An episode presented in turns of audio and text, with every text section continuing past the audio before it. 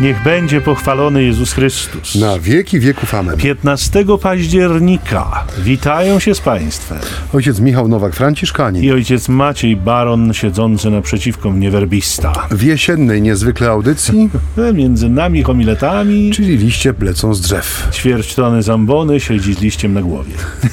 tak to mniej więcej wygląda. Drodzy Państwo, no cóż, nie chce nam się, nie, chce nam się, ale jesteśmy lekko przygnębieni aurą. Myślę, że i Wam się to udziela. Zawsze jesień to taki czas, że te grypy, te choroby, te, te wszystkie wirusy tam, te, te wszystkie takie zimna i deszcze ciągnie po nogach. Ojej, to wszystko nas trochę przygnębia, ale, ale my chcemy wbrew temu, wbrew, wbrew yy, idąc za słowem, które dzisiaj nas poprowadzi znowu w, perspektywie Mateuszowej Ewangelii, jej 22 rozdziału, który chcemy z Państwem i dla Państwa omówić. Jezus w przypowieściach mówił do arcykapłanów i starszych ludu. Królestwo niebieskie podobne jest do króla, który wyprawił ucztę weselną swemu synowi. Posłał więc swoje sługi, żeby zaproszonych zwołali na ucztę, lecz ci nie chcieli przyjść. Posłał jeszcze raz inne sługi z poleceniem: Powiedzcie zaproszonym, oto przygotowałem moją ucztę, woły i tuczne zwierzęta ubite i wszystko jest gotowe. Przyjdźcie na ucztę. Lecz oni zlekceważyli go i odeszli, jeden na swoje pole, a inni pochwycili jego sługi, znieważywszy, pozabijali. Na to król uniósł się gniewem. Posłał swe wojska i kazał wytracić owych zabójców, a miasto ich spalić. Wtedy rzekł swoim sługom: Uczta weselna wprawdzie jest gotowa, lecz zaproszeni nie byli jej godni. Idźcie więc na rozstajne drogi i zaproście na ucztę wszystkich, których spotkacie.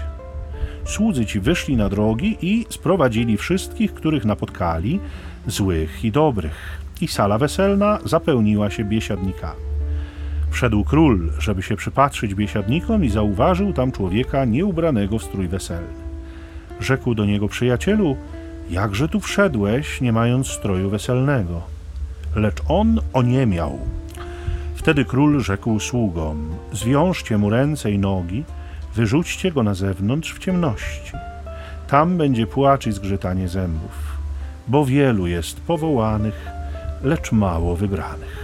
Po raz kolejny mamy do czynienia z taką e, prospołeczną opowieścią, która rozpoczyna się od zdania, które trzeba sobie dobrze przeczytać i prawidłowo zrozumieć, żeby ta nasza refleksja szła w kierunku, który zamierzył Pan, wypowiadając ową przypowieść. Mianowicie porównuje on e, Królestwo Niebieskie do króla, który wyprawił ucztę weselną. I niejednokrotnie ta myśl u nas wraca, ale myślę, że warto do niej też e, się odnieść, że y, przypowieści o królestwie nie są szkicami y, do pejzażu pod tytułem Chwalebna przyszłość, ale są sposobem dotarcia do osoby Jezusa Chrystusa. To On jest panowaniem Boga, to On jest królestwem Bożym.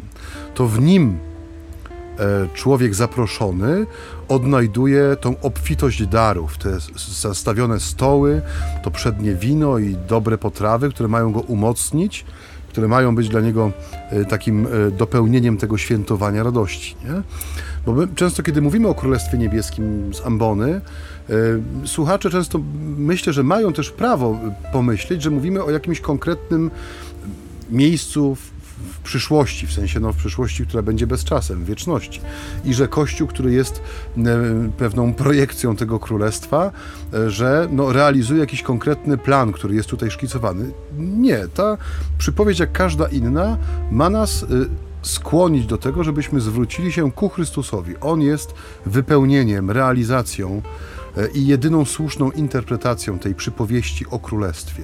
Dzisiaj daje nam obraz bardzo złożony. Mówi o tym, że królestwo niebieskie podobne jest do króla, który wyprawia ucztę weselną swemu synowi. Ten wymiar zaślubin oczywiście wraca bardzo często e, w, teologii, kiedy mówimy o tym, że Kościół jest tą oblubienicą Chrystusa, e, przeczystą i wybraną, umiłowaną, którą Chrystus zaślubia i tym momentem zaślubin jest krzyż, w którym daje siebie e, w całości, bez zastrzeżeń, jako wolny dar. Nikt mu nie każe, nikt mu niczego nie odbiera, ale on daje siebie w zamian za naszą wolność, nie? w zamian za naszą czystość, w zamian za nasze odkupienie, zbawienie, wykupienie z tej, z tej rzeczywistości, gdzie grzech, zło i śmierć miały decydujące słowo i kształtowały los człowieka. Mnie tak troszeczkę ta przypowieść nie pasuje jej dwoistym charakterze. W takim sensie, że ja wyczuwam, zresztą myślę, że nie tylko ja, wyczuwam w niej pewien kontrast narastający, bo z jednej strony mamy mowę o radości, bo przecież uczta weselna ma charakter radosny, a z drugiej strony, ilekroć ten wątek radości się mm, pojawia i próbuje się przebić, to okazuje się, że napotykać na bardzo prozaiczne przeszkody, które ostatecznie nie pozwalają mu mm, dotrzeć na powierzchnię. Ta radość jakby nie eksploduje w tej przypowieści, bo nawet jeśli końcówka jej mówi nam o tym, że uczta się odbyła, to tam też jest jakiś taki zgrzyt, tam też jest jakiś taki e, sprzeczny z radością świętowania e, epizod, do którego jeszcze e, sobie dojdziemy. Więc oczywiście zaproszenia poszły wcześniej, to wiemy, teraz zaledwie przypomnienie i konkretne zwołanie tych zaproszonych gości. Oni się niewątpliwie wcześniej zgodzili na to, żeby przyjść na tę ucztę. I ja natychmiast mam takie wrażenie, takie, taki odsyłacz do rzeczywistości współczesnego Kościoła, bo ciągle mówimy, że te, że te przypowieści są o Kościele, chociaż Królestwo Niebieskie to jest oczywiście coś więcej niż Kościół. Kościół go nie wypełnia ostatecznie treścią.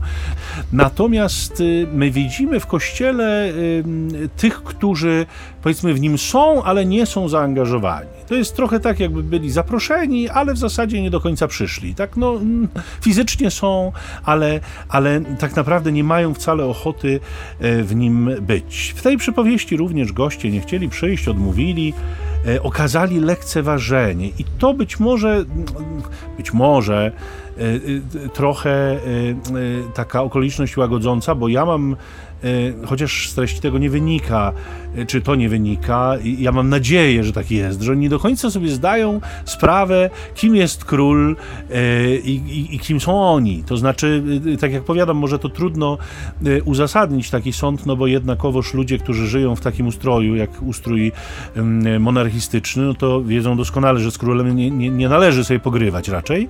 Natomiast, natomiast ja się łudzę nadzieją, że tak właśnie jest, że oni nie do końca mają świadomość niestosowności swojego zachowania wobec króla, co byłoby jakąś okolicznością łagodzącą w tej sytuacji, również gdyby ją znowu przenieść na rzeczywistość Kościoła, bo jeżeli e, dzisiaj współcześni wierzący okazują Bogu lekceważenie, to jedyna nadzieja dla nich jest w tym, że nie do końca zdają sobie sprawę z tego, co robią.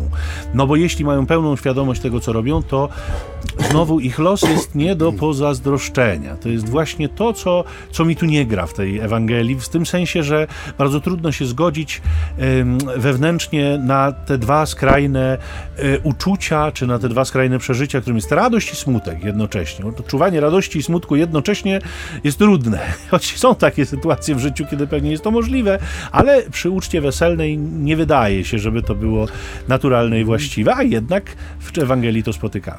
Moja pierwsza myśl z kolei, jeżeli chodzi o tę przypowieść, y, o uczcie weselnej, którą król zamierza wyprawić dla swojego syna, były następujące. Mianowicie znów ta przypowieść rzuca światło i demaskuje czy obnaża pewne braki w naszej rzeczywistości, którą współtworzymy, chcąc nie chcąc.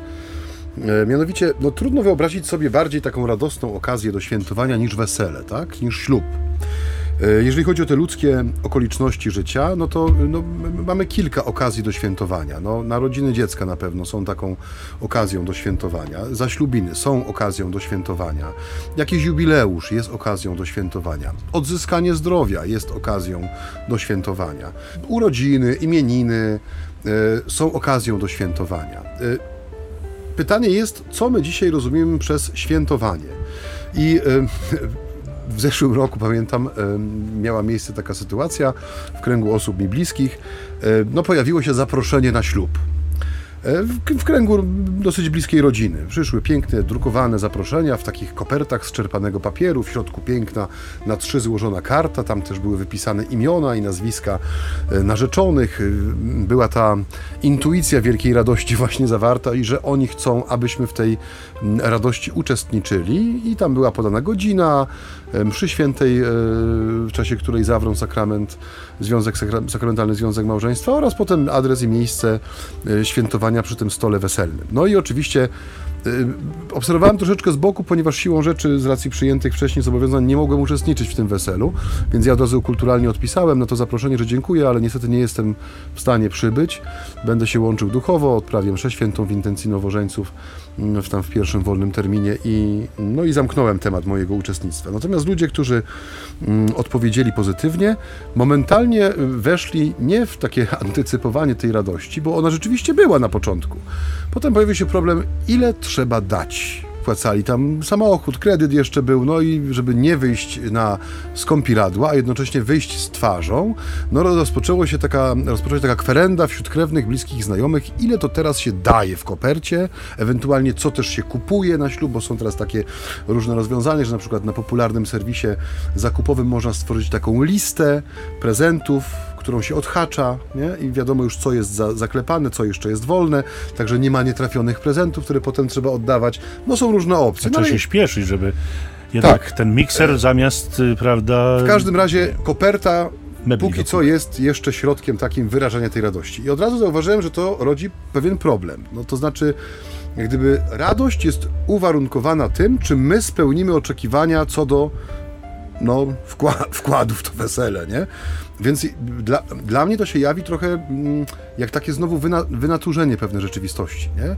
Znaczy inaczej, gdybym ja e, organizował wesele i zapraszał na nie gości, no to o ile no, wyprawiając wesele muszę mieć na nie środki, tak? Znaczy ja nie liczę na zwrot, bo to też jest raz, że nie ewangeliczne, a dwa, no po ludzku czyni z tego nie wesele, tylko transakcję jakąś, tak? Bardziej rozłożoną w czasie i rozłożoną na partycypantów, że tak powiem, poszczególnych, no ale zamienia się to z radości tego, że chcemy być razem, kochamy się i decydujemy się na wspólną drogę, na jakieś rozliczenie finansowe rozłożone właśnie na rzeczy materialne, koperty wręczane przy składaniu życzeń, żeby się bilans na końcu zgadzał i nie okazało się, żeśmy na tym stracili. No znowu, zewnętrznie wszystko wydaje się w porządku, ale utraciliśmy gdzieś istotę, nie? istotę. I e, ta przypowieść pokazuje nam jedno, przecież tu nie ma żadnych oczekiwań, nie? tu nie ma żadnej listy prezentów, tu nie ma oczekiwań na kopertę. Król wyprawia ucztę i zaprasza gości. I co mnie zatrzymuje w tej przypowieści, to jest ta reakcja zaproszonych, mianowicie Jednego y, y, zlekceważyli i odeszli. Jeden na swoje pole, drugi do swego kupiectwa, a inni pochwycili sługi i znieważywszy, pozabijali.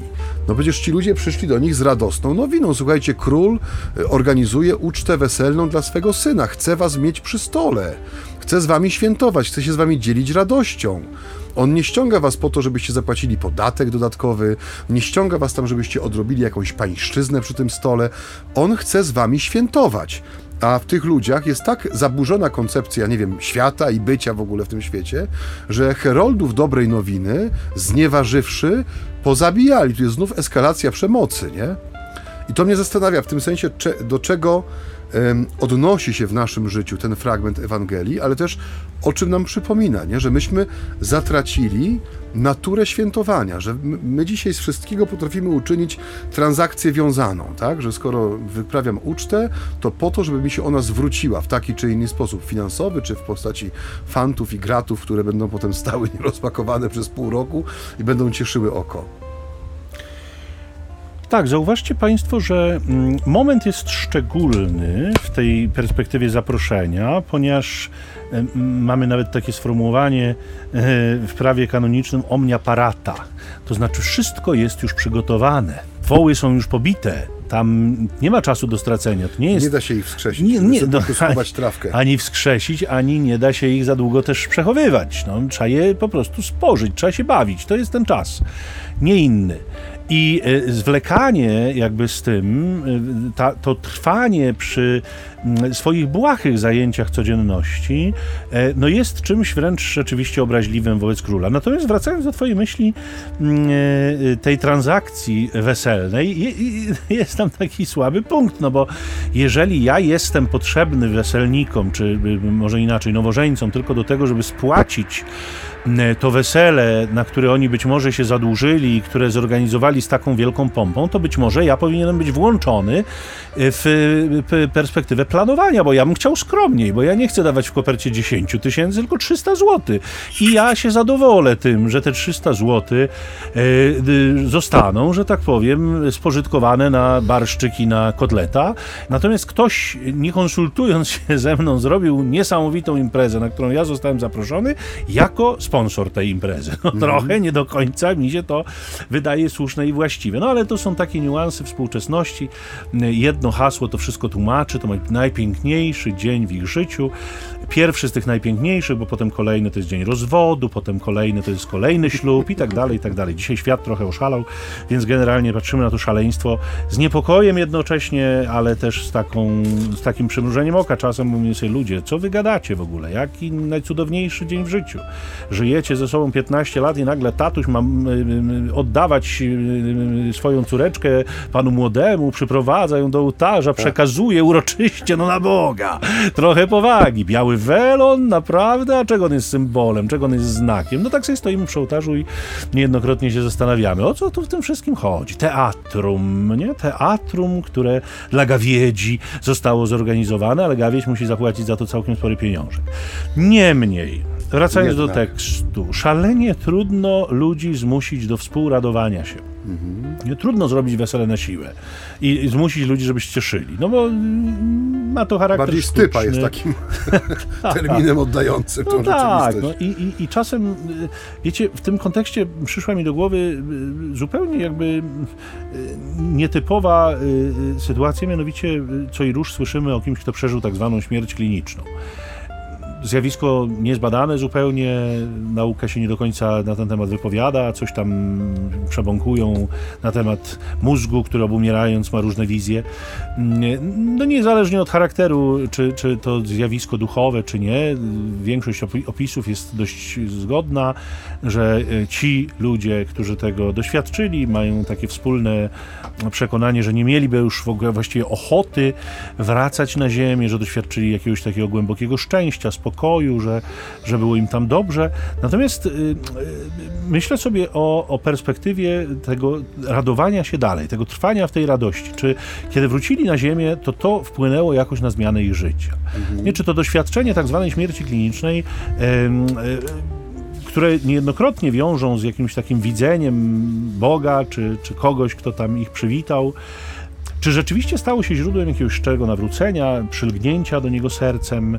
Czy rzeczywiście stało się e, takim, taką odpowiedzią na jego zaproszenie, którego doznali w taki no, niespodziewany i nietypowy zupełnie sposób? Czy, czy to ich dalsze życie jakby było wielkim tak, nie? Na, na święto, na radość z tym, który tam na nich czekał? Nie? Czy było wielką tęsknotą za tym, żeby to rzeczywiście się już zaczęło i już zrealizowało? Ale y, my sobie tutaj o radości i o tym, że no wiadomo, niełatwo do niej zmusić, a właściwie nie sposób do niej zmusić. Y, y, takie sobie tu dywagacje prowadzimy, ale y, mówimy o ludziach, którzy zlekceważyli Pana, zlekceważyli króla, zlekceważyli jego zaproszenie, natomiast znieważanie i zabijanie sług to już nie jest zwykłe lekceważenie. Nie? To jest przemoc wobec propozycji płynącej z miłości. Tak jak Maciej mówił, król niczego nie oczekiwał. Tam nie było oczekiwania prezentów, tam było zaproszenie wynikające tylko z radości tego świętowania. Y, natomiast tam mamy do czynienia z, z, ludźmi, którzy zabijają wysłanników króla, keryksów, tych, którzy. No, czyli podnoszą rękę na samego na króla. samego króla, więc dokładnie o to idzie. Nie do tego zmierzam. I no, oni stają się w jakimś sensie bogobójcami, nie? bo wiemy dobrze, że w, w, w tym królu e, widzimy ojca, Boga. E, I dzisiaj to znowu my tak bardzo to słowo aktualizujemy właśnie przez to, że my dzisiaj tych bogobójców mamy na każdym kroku. Nie? I tak sobie naprawdę siedząc nad tym słowem rozważałem, dlaczego wiara, zwłaszcza katolicka, budzi w niektórych ludziach tak wielką nienawiść. Nie? Czy można rzeczywiście wszystko zrzucić na nieprzyjaciela? Bo, e, bo zauważmy, że, e, że e, no jesteśmy wyróżnieni nie? w tym sensie takiej nienawiści świata. Dla porównania, religia muzułmańska takiej nienawiści nie wzbudza, wręcz przeciwnie, raczej chyba wzbudza odrobinę strachu, bo mamy te ostatnie przypadki szwedzkie, prawda? Spalenia Koranu, gdzie świat muzułmański się poruszył mocno i wczoraj bodaj, no my jesteśmy ciągle dużo wcześniej, przed naszą audycją, nagrywamy to dużo wcześniej. Wczoraj bodaj czytałem jakiś artykuł o Szwecji, która rozważa zabronienie takich manifestacji, na których byłyby e, podejmowane takie akty jak palenie świętych ksiąg różnych religii. E, oczywiście, e, gdyby tam ktoś spalił Pismo Święte, to myślę, że niespecjalnie wzbudziłoby to zainteresowanie szwedzkich polityków. Natomiast w związku z tym, że tego rodzaju manifestacje wobec Koranu, który został tam spalony w czasie jakiejś manifestacji, wpływają na bezpieczeństwo Szwedów i Szwecji jako takiej, no to rozważa się taki cenzorski zabieg, który zabroni wyrażania swoich przekonań w taki sposób. Więc y, y, nie ma nienawiści wobec religii muzułmańskiej, jest raczej strach, który ona wzbudza. Natomiast w perspektywie chrześcijaństwa nikt nikogo tam się specjalnie nie boi, wręcz przeciwnie, jak można komuś przyładować, to zróbmy to wobec chrześcijan, bo no, Żydzi zareagują natychmiast, muzułmanie zareagują natychmiast, no do hinduistów, buddystów tam daleko, zasadniczo oni mają to wszystko w nosie, bo oni generalnie mają wiele rzeczy w nosie, taka religia, y, że nie bardzo się przejmują ziemskimi sprawami, natomiast, y, natomiast chrześcijan można tłuc z każdej, z drugiej, jednej, trzeciej, piątej strony, opiłowywać ich, e, można ich obijać, tak, można robić z nimi, co się żywnie podoba, bo wiadomo, że tutaj takiej reakcji gwałtownej... Co najwyżej wyjdą z różańcami na ulicę. Tak, tak. Takiej gwałtownej reakcji nie będzie. Więc zastanawiam się, skąd w tych bogobójcach często, bo to, to są często e, takie bardzo skrajne reakcje, tyle nienawiści, tyle złości, tyle niechęci do religii chrześcijańskiej, która z założenia no, jest religią miłości, radości, pokoju. E, oczywiście zaraz się odezwą głosy, tak, tak, wy i wasz pokój, tak, krucjaty, inkwizycja. inkwizycja. No, tak, to my znamy oczywiście, natomiast ojcze Macieju, to groźby karalne, niech ojciec uważa, bo zdejmą nam z anteny program, a ojca wsadzą do więzienia. Że ojciec groził tutaj naszym nie, ja słuchaczom. Nie a więc, y, no już tak zupełnie poważnie, bo oczywiście sobie trochę żartujemy. Natomiast e, e, znieważanie i zabijanie ludzi, które występuje w tej e, przypowieści, ono jest powielone. Ono, to nie, nie pierwszy raz o tym słyszymy. Tydzień temu też o tym słyszeliśmy, że tak właśnie się dzieje, że ostatecznie ta niechęć do króla przekłada się na niechęć do wszystkich, którzy do niego należą i ta niechęć jest wyrażana w sposób bardzo gwałtowny.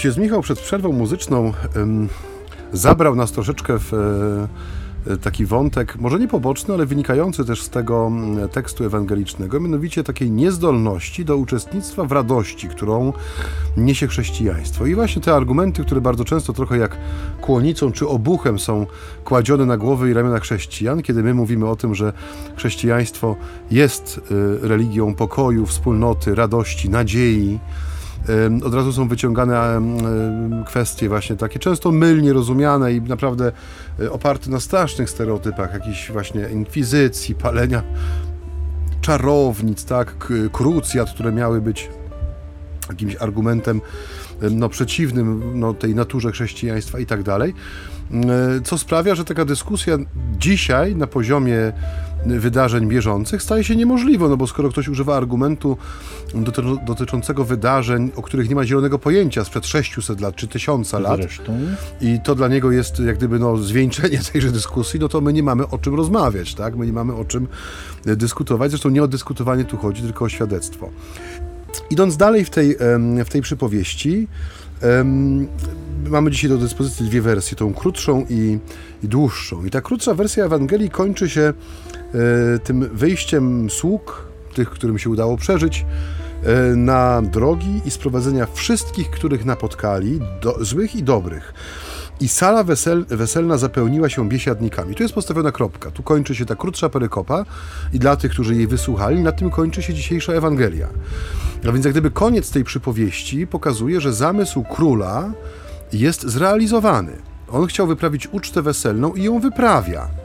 Tym jak gdyby co mm, ulega zmianie jest grupa docelowa biesiadników, w sensie ci, którzy byli zaproszeni, okazali się niegodnymi i sala weselna zapełnia się biesiadnikami, y, którzy są opisani dwoma przymiotnikami, jako ci, którzy są dobrzy i ci, którzy są źli. E, I tu jest ciekawy, ciekawe miejsce tej opowieści i przypowieści, nie? bo e, bardzo często w naszym postrzeganiu spraw Królestwa Niebieskiego E, kiedy mówimy na przykład o powszechnym powołaniu do świętości, o tym, że każdy z nas jest misje, misjonarzem, uczniem, apostołem, w taki sposób posłanym do świata, żeby to orędzie dobrej nowiny o zbawieniu w Jezusie Chrystusie nieść światu i człowiekowi. Bardzo często zderza się to z taką e, intuicją, która jest w sercach ludzi, że no, bycie tym heroldem, czy bycie tym, który zaprasza, czy też bycie weselnikiem, który zapełnia tą salę przygotowaną przez króla, że to jest zajęcie dla wybranych dla, że to jest dla wąsko wyspecjalizowanej grupy, która trudni się pobożnością w swoim życiu. My nie jesteśmy pobożni, gdzie mi tam, prawda, do, do świętości, że to jest też właśnie zarezerwowane dla tych osób na, na postumentach, do tych figur wygiętych w ekstatycznych gestach, skierowanych twarzami ku górze i tak dalej, że to nie jest dla nas, nie?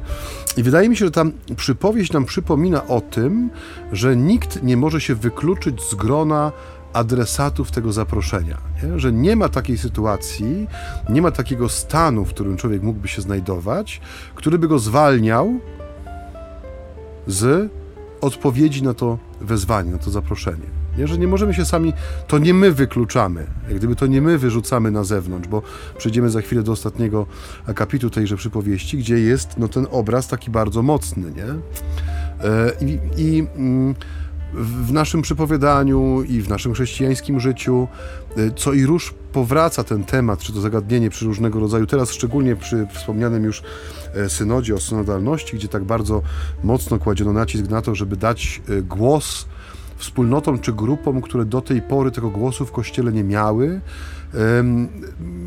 dużo głosów takich z tych e, grup decyzjalnych, czy, czy nawet mniejszych, mówiło o tym właśnie, że zanika, czy zaniknął gdzieś ten powszechny wymiar odpowiedzialności za Kościół, nie? że my często e, no, w jakiś sposób cedujemy tą odpowiedzialność na księży, biskupów, zresztą to pojawia się też w języku, którym operujemy, mówiąc Kościół często mamy na myśli episkopat, tak? czy mówiąc Kościół mamy na myśli księży proboszczów, którzy są za wszystko odpowiedzialni, czy, czy, czy, czy wikariuszy, którzy prowadzą katechezę, czy siostry zakonne, które udzielają się na wszystkich możliwych frontach działalności ewangelizacyjnej Kościoła, no jest w tym coś niebezpiecznego, nie? bo jak pokazuje nam ta przypowieść, ta sala zapełnia się biesiadnikami, to znaczy ten zamiar króla jest wypełniony, ale pojawiają się tam wszyscy, źli i dobrzy. Nie ma, nie ma jakiegoś kryterium, które by, a ty już nie wchodzisz, nie? gdyby ten, ten, ten, ta szansa na stanięcie wobec króla jest dana wszystkim złym i dobrym. Nie? Za chwilę zobaczymy, jakie kryterium e, jest w oku króla, nie? który przechadza się patrząc na e, salę i biesiadników. Ja mam wrażenie, że to odniesienie źli i dobrzy to taka trochę metapłaszczyzna, to znaczy ona nie ma nic wspólnego z kategoriami moralnymi. E, ponieważ świat dla Żydów, którzy słuchali tej przypowieści, był podzielony na złych i dobrych, w tej perspektywie, że dobrzy to Żydzi, a źli to cała reszta świata. I to nie miało znaczenia, czy, czy moralnie ktoś stał wysoko, czy nie. Należałeś albo do drużyny pierścienia, albo nie należałeś do drużyny pierścienia. Albo byłeś orkiem. I tyle. I dokładnie. I to tak mniej więcej się rozkładało. Więc y, to brzmi y, niedobrze dla słuchaczy, nie? że wprowadza złych i dobrych, że idzie na rozstanie dróg i wprowadza wszystkich. Dlatego, że mm, to jakby przeczyło tej idei wybrania, idei narodu, który jest szczególnie w serduszku Boga, narodu, który ma prawo do lepszego traktowania, narodu, który zyskuje w związku ze swoim wybraniem szczególne przywileje. To nagle miało zostać ludziom odebrane. Cóż z tego, że w kontekście ich działań, ale, ale, ale jakim prawem? Tego nie, nie wolno robić. Nie? Nawet Bogu nie wolno tego robić. Ten przełom Żydzi poganie, którego my nie słyszymy, Żydzi, myślę, słyszeli e, e, bardzo dobrze i on e, jest dla nich oburzający, bo to oznacza, że Bóg ośmiela się działać poza protokołem. I my to dzisiaj też przeżywamy, nie? że to, to działanie Boga poza protokołem, że on potrafi dać coś dobrego niewierzącym, że on potrafi uzdrowić kogoś, kto się do niego nie modlił. No jak to? To my tyle tutaj oddajemy i tak dalej, i tak dalej, i, i się poświęcamy, i, i żeśmy odmówili ten dziesiątek różańca z ciocią przy łóżku i nie ma uzdrowienia, a tam proszę bardzo, no coś jest nie do końca. Nie? To, to czasem do, dochodzi do takiego poziomu, że działamy trochę jak pies ogrodnika. To znaczy ja nie mam, ale inny też nie powinien mieć. To nie ma tak, że, że jak ja nie mam, to inny będzie miał. Nie. Mhm. Inny ma też nie mieć i wtedy wtedy jest wszystko w porządku. Natomiast Bóg jest całkowicie wolny w swoim działaniu, co też nie oznacza, i to chyba jest bardzo ważne, że nagle zrezygnował z zasad, że nic się nagle nie liczy, że po prostu wszystko, co do tej pory zakwestionował, wyszedł i zaczął ściągać wszystkich do, do swojego domu. Te zasady nadal istnieją i z pewnością zainteresowani, czy ci, którzy okazali zainteresowanie ucztą, sprowadzeni, musieli być o owych zasadach powiadomieni i wyposażeni w odpowiednie odpowiednie środki, zwłaszcza jeżeli przychodzili z drogi. I tutaj dochodzimy do tego kryterium, które było ważne dla oka mm, e, właściciela czy króla, y, właściciela tej krainy, no, w pewnym sensie króla, władcy, o których nam z pewnością Ojciec Maciej powie. Nie. Ale ojciec nas podprowadził do tego, więc niech ojciec nas tutaj oświeci. Tu nie chodzi o to, żeby ja tutaj odpowiadał twoje podpuchy, bo za chwilę mnie tutaj znowu zgasisz nie. i będę i będę biedny na koniec, bo powoli będziemy musieli też myśleć o podsumowaniu naszego e, dzisiejszego spotkania. E, ostatni paragraf tejże przypowieści mówi o tym, że król wyszedł, żeby się przypatrzeć biesiadnikom. To oko króla, nie? Y, on jest inicjatorem. On wydaje ucztę. On po, wydał rozkaz pobicia wołów, przygotowania potraw tłustych, postawienia na stoły wybornego wina. On spotkał się z odrzuceniem tych bogobójców, którzy, y, którzy wyciągając rękę wobec keryksów, czyli tych, którzy przyszli ogłosić tą wiadomość o zaślubinach syna, y, no stwierdzili, że to nie jest zaproszenie dla nich, że oni nie czują się nie, tylko, nie tyle godni, ile nie czują, że to jest ich radość, a więc wyrazili swój sprzeciw wobec tego. No i tak jak ojciec Michał powiedział, tutaj sala zapełniła się ludźmi, którzy nie tyle według kryteriów moralnych, ile kryteriów światopoglądowych byli uważani za no, tych wewnątrz i tych na zewnątrz, tak? No bo jednak światopogląd żydowski miał w sobie bardzo mocno e, inkluzywny charakter względem y, członków narodu wybranego i ekskluzywny charakter względem tych, którzy stali poza nim. I ym, to oko króla spoczywa na człowieku, który nie jest ubrany w strój weselny. I kiedy ja pamiętam, byłem ministrantem i lektorem, i kiedy pierwszy raz tak bardziej świadomie słuchałem czytań, i szczególnie Ewangelii, ten fragment budził moje niezrozumienie, żeby nie wiedzieć sprzeciw. No jak to? Złapanki? Nie? Goście z łapanki, którzy przyszli na, na wesele, no spełnili, można powiedzieć, że robią łaskę królowi, ponieważ sprawiają, że ta jego uczta może się odbyć. I ktoś tu się czepia tego, że oni nie są ubrani w odpowiednio, nie są ubrani w strój weselny. I powiedzmy, że długi czas ta echo tej myśli gdzieś we mnie tam powracało. I pamiętam, że ostatnio oglądałem, bo tak jak ojciec Michał, czasami korzystam z, z, z, serwisów medialnych, takich chociażby jak YouTube i śledzę różnego rodzaju podróżnicze blogi, czy vlogi właściwie dzisiaj to mówi, wideoblogi. E, I jeden z nich, taki dosyć popularny w polskiej scenie tej YouTube'owej, chłopak, który jeździ po całym świecie, był w Indiach swego czasu. E, no i tam został zabrany na wiejskie wesele, gdzieś poza e, tej, te granice wielkiej aglomeracji, chyba Bombaju. Ileś tam godzin pociągiem się tłukli na jakąś daleką prowincję. I siedział północy. To nie chodzi o to, że siedział. Chodziło o to, że był dość ciekawy fragment, który pokazywał przygotowania do tego, do tego wesela E, różnych ludzi, którzy są tam zaproszeni, zaangażowani. Chodziło o strój weselny właśnie. No i tam pokazywali takie sarągi, odpowiedniki może naszego fraka, czy może jakiegoś surdutu z jedwabiu, pięknie zdobione, które przylegały do ciała, chłodziły z racji tego, że jedwab, prawda, i tak dalej. Ale co ciekawe, pokazywał też zakupy w podobnym sklepie osób o wiele mniej zamożnych niż tamten brat pana młodego, który też współfinansował to wesele. E, e, gdzie wybierali bardzo prostą szatę weselną. Znaczy ona była z jednego rodzaju materiału, pięknie uszyta, ale bardzo uboga, jeżeli chodzi o ornamenty wszelkiego rodzaju, wyszywanki i tak dalej. I on ciekawe zdanie powiedział, że nawet najbiedniejsi mają w szafie tak. Strój weselny, nie? Od, y, ten ancuk na Śląsku, który wisiał na niedziela, nie? On nie był do użycia w inne dni tygodnia, to był ancuk niedzielny. Jego się ubierało do kościoła. Czewiki wypastowane, skarpetki bez dziur, no i tam ten garnitur, biała koszula, krawat, garnitur. To jeszcze 60 lat temu był taki dress code, nie? Że nawet ktoś, kto naprawdę żył biednie, miał w szafie to jedno przyzwoite ubranie, które się ubierało idąc w niedzielę do kościoła. Czasami jeszcze babcia opowiadała, że buty niosło się ze sobą w ręce, tak, ubierało się dopiero na progu kościoła, żeby ich nie umarasić, żeby nie zedrzeć zelówek za szybko, żeby one starczyły na dłużej, no bo trudno byłoby iść do kościoła w dziurawych butach, czy w butach, które się rozłażą, nie? Tak. E, w naszej mentalności dzisiaj chociażby właśnie ten materialny wymiar stroju weselnego zniknął zupełnie, nie? który jest pewnym wyrazem mojej gotowości do uczestniczenia w czymś ważnym. Nie? Ja pamiętam jeszcze starszych ludzi, którzy kiedy szli do urzędu, też nie poszli w t-shircie, czy w jakiejś koszulce na ramionczkach, czy w czymś, nie wiem, wakacyjnym, czy letnim, ale ubierali się w sposób taki godny, formalny, powiedzielibyśmy dzisiaj. Nie? Dzisiaj to zupełnie znika. Nie? I no, wszystko, co my robimy na zewnątrz, ma swój korzeń gdzieś w środku, tak? Czyli w naszym postrzeganiu rzeczywistości, w tym, co jest dla nas w jakiejś hierarchii, prawda, ustawione ważności wydarzeń i spraw, czyli nasze wnętrze manifestuje się także poprzez strój. I to oko króla, które wyłapuje człowieka, który mimo tego, że nie jest powiedzmy oryginalnie zaproszonym gościem, tylko jest, no, no, używając tego kolokwialnego terminu, gościem z łapanki, z drugiej listy, z listy B, mhm to go nie zwalnia z odpowiedzialności za to, by być gotowym na, na, yy, na wesele, na radość, nie? żeby być gotowym do udziału w czymś, no co jest, co ma jednak rangę, tak? Wesele królewskiego syna to jest wydarzenie. I nawet odnosząc to chociażby do niedzielnej Eucharystii, nie? która pokazuje nam też bardzo często nasz stosunek do tego, w czym uczestniczymy, poprzez strój czy nasze zachowanie, nie?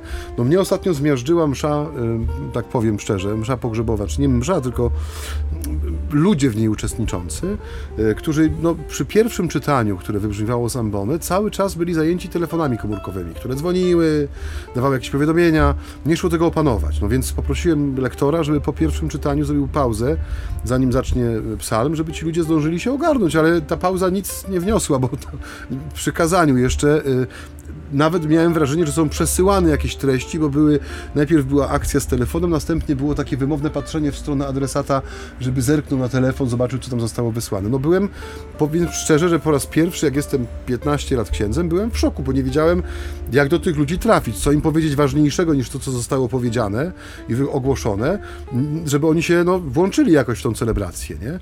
I no, to pokazuje, że z naszym wnętrzem też często no, jest nie do końca dobrze, skoro my nie potrafimy e, poprzez naszą postawę ciała, strój, zachowanie nie tylko uszanować tego miejsca, w którym jesteśmy, ale też wziąć udział w tym, do czego, do czego jesteśmy zaproszeni. Nie?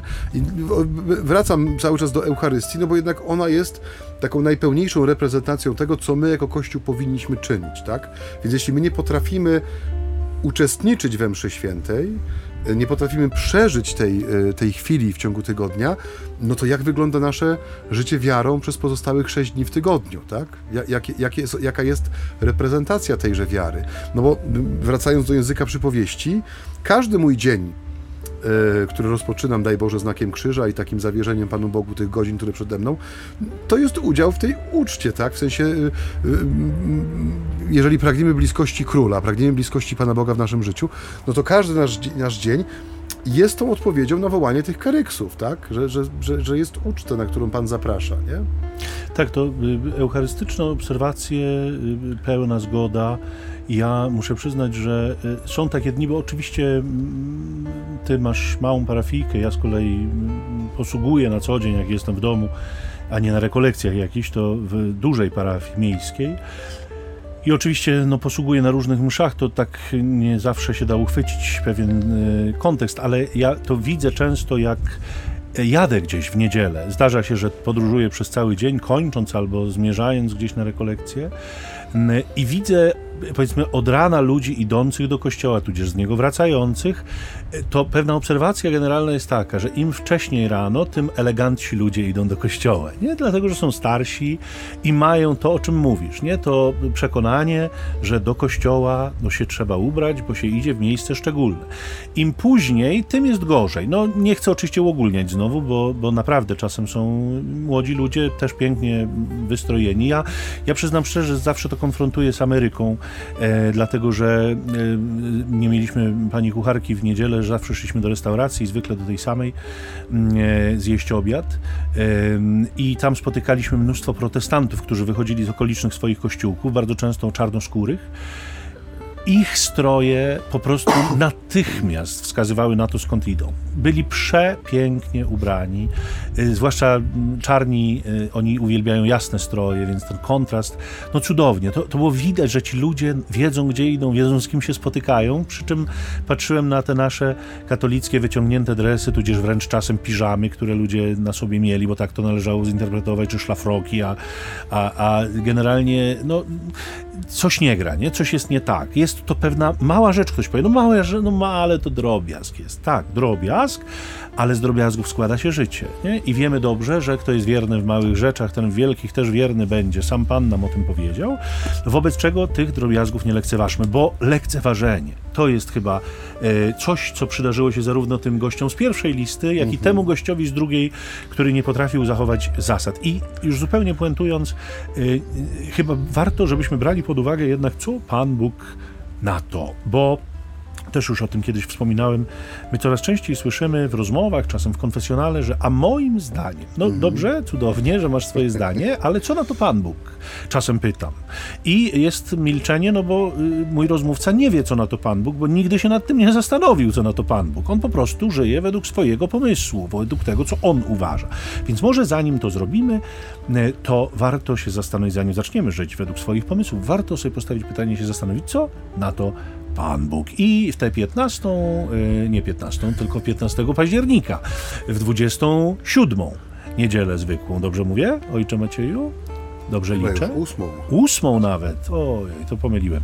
W każdym razie w tę niedzielę, którą przeżywamy, y, z tym pytaniem Państwa zostawiamy i mamy nadzieję, że to nasze gadanie y, staje się dla Was także jakimś źródłem autorefleksji, bo przecież o to wszystkim nam chodzi. Ojcze Macieju? Przyklasnę temu. Raz tylko? Dwukrotnie e, przyklaskiwałeś. Zapraszamy Was wszystkich też do śledzenia naszych poczynań w internecie. Można słuchać nas nie tylko na falach Rady Niepokalanów, ale także na chociażby e, Spotify'u czy Google Podcast. Tam są poszczególne odcinki. E, zapraszamy też na stronę Rady Niepokalanów. Tam też jest zakładka audycje i tam można znaleźć wszystkie odcinki pięknie okraszone też słowem, które przypada na daną niedzielę, także można sobie jej przeczytać na początku, a potem wysłuchać naszej audycji. Także zapraszamy. I na koniec e, to słowo, które nas wprowadza w tydzień, czyli błogosławieństwo. Niech nas błogosławi, zachowa wszelkiego za Bóg Wszechmogący, Ojciec i Syn i Duch Święty. Amen. Miejcie się do Państwo usłyszenia. dobrze. Pokój dobra.